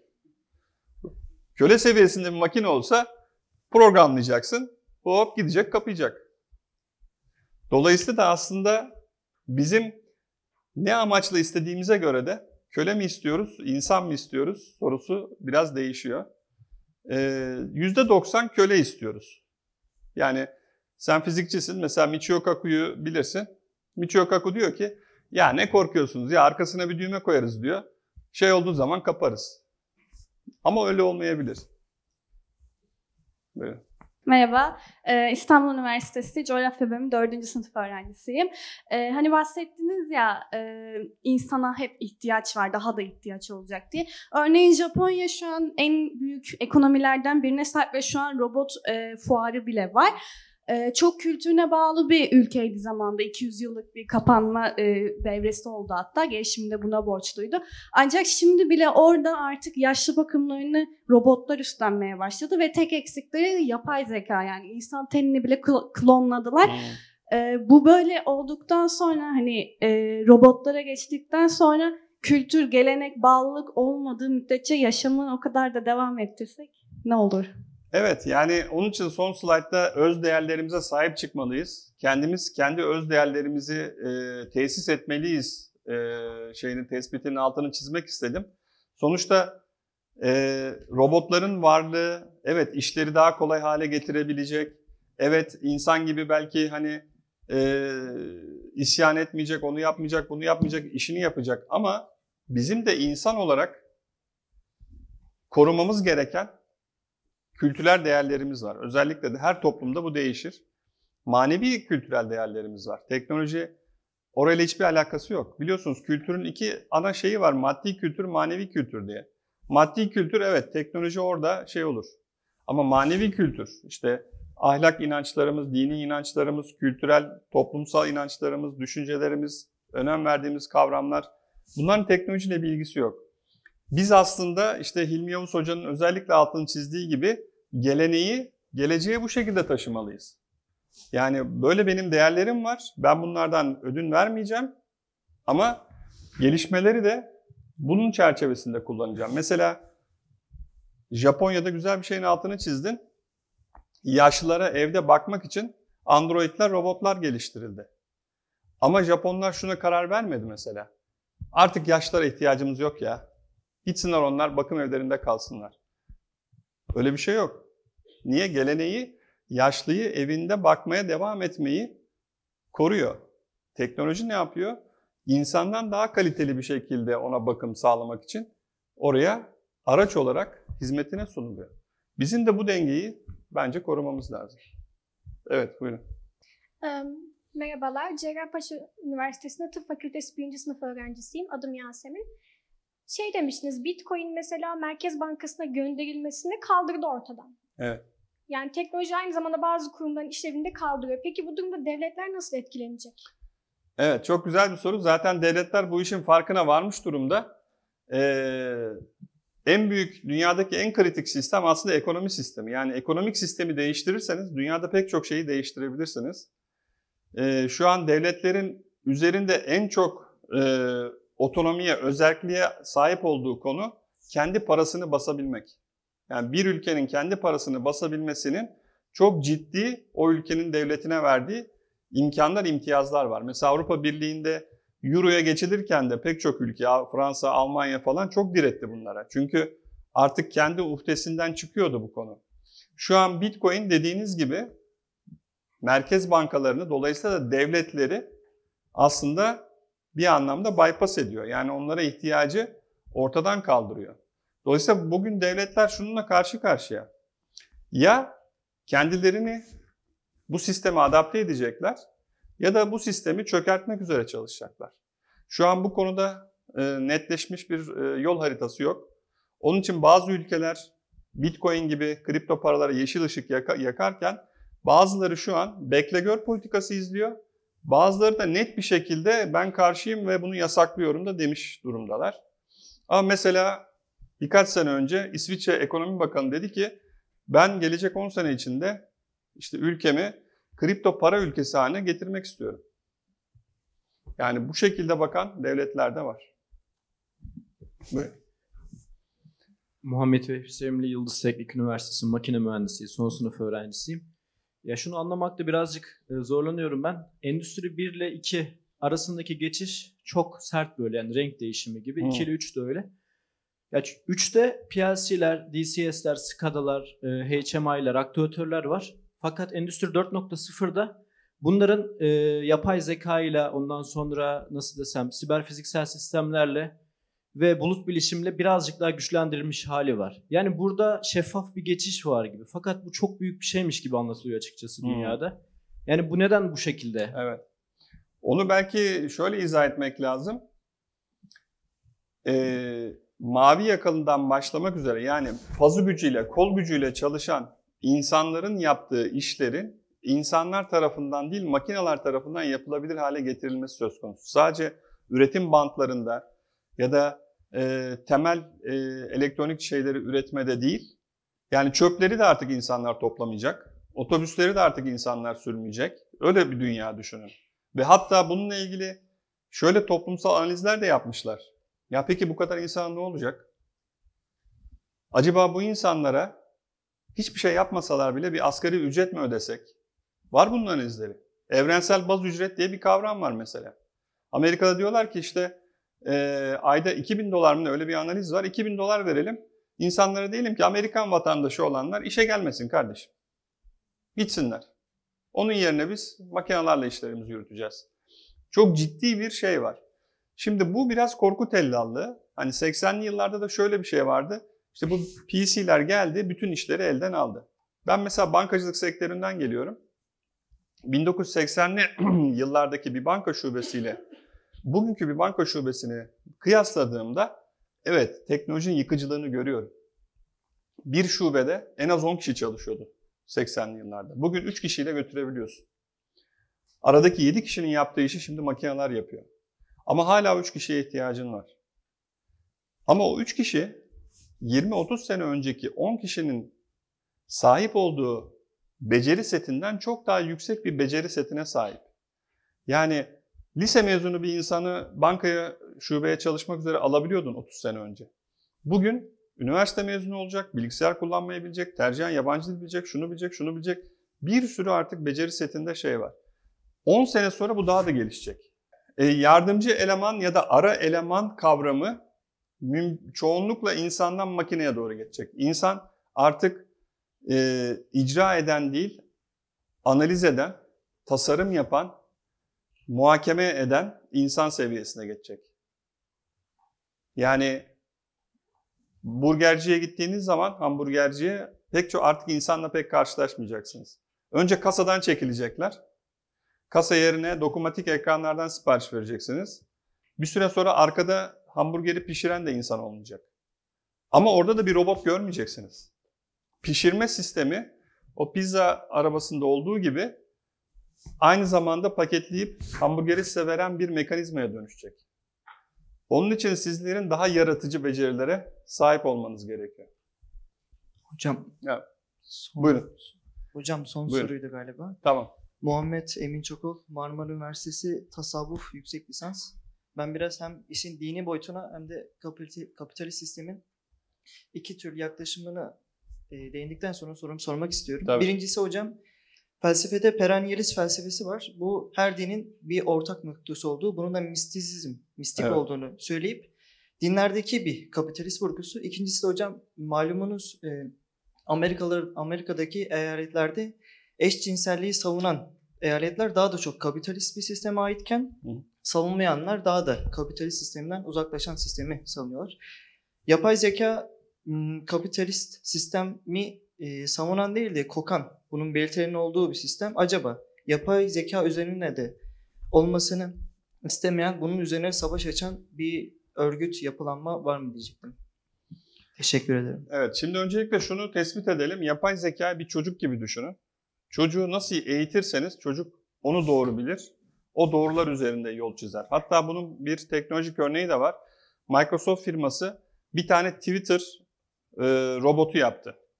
Twitter hesabı ama e, ona attığınız e, tweet mesajlarını cevaplayan bir insan değil, bir yapay zeka.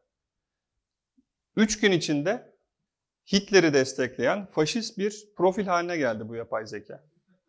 Nedeni basit. İlk dadananlar onunla konuşmaya, o profilde insanlar onlara sürekli en büyük Hitler de bakayım, en büyük Hitler. Dünya işte bilmem ne. Yani kimle etkileşim kurarsa o yöne doğru gitti. Dolayısıyla da şimdi yapay zeka şu an kapitalist bakış açısında geliştirilmekte olduğu için 4. sanayi devrimi mantığıyla o gözle kullanılan bir teknoloji. Ama bir başkası çıkıp da başka bir paradigmayla onu programlayabilirse ya da öyle bir yapay zeka yaparsa öyle bir yapay zeka da ortaya çıkabilir. Ben arzu ederim mesela hani böyle sular seller gibi mesnevi konuşan bir yapay zeka olsun. Olabilir. Bütün şeyleri, e, şerhleri vesaireyi bunun üzerine yerleştirip bu şekilde bir e, sufi hoca şeklinde kıvamında konuşabilen bir yapay zeka geliştirilebilir. Sınır yok. Kim yaparsa onun olacak. Yani yapanın elinde kalıyor bu iş. Evet çok teşekkür ederim. Sağ olun.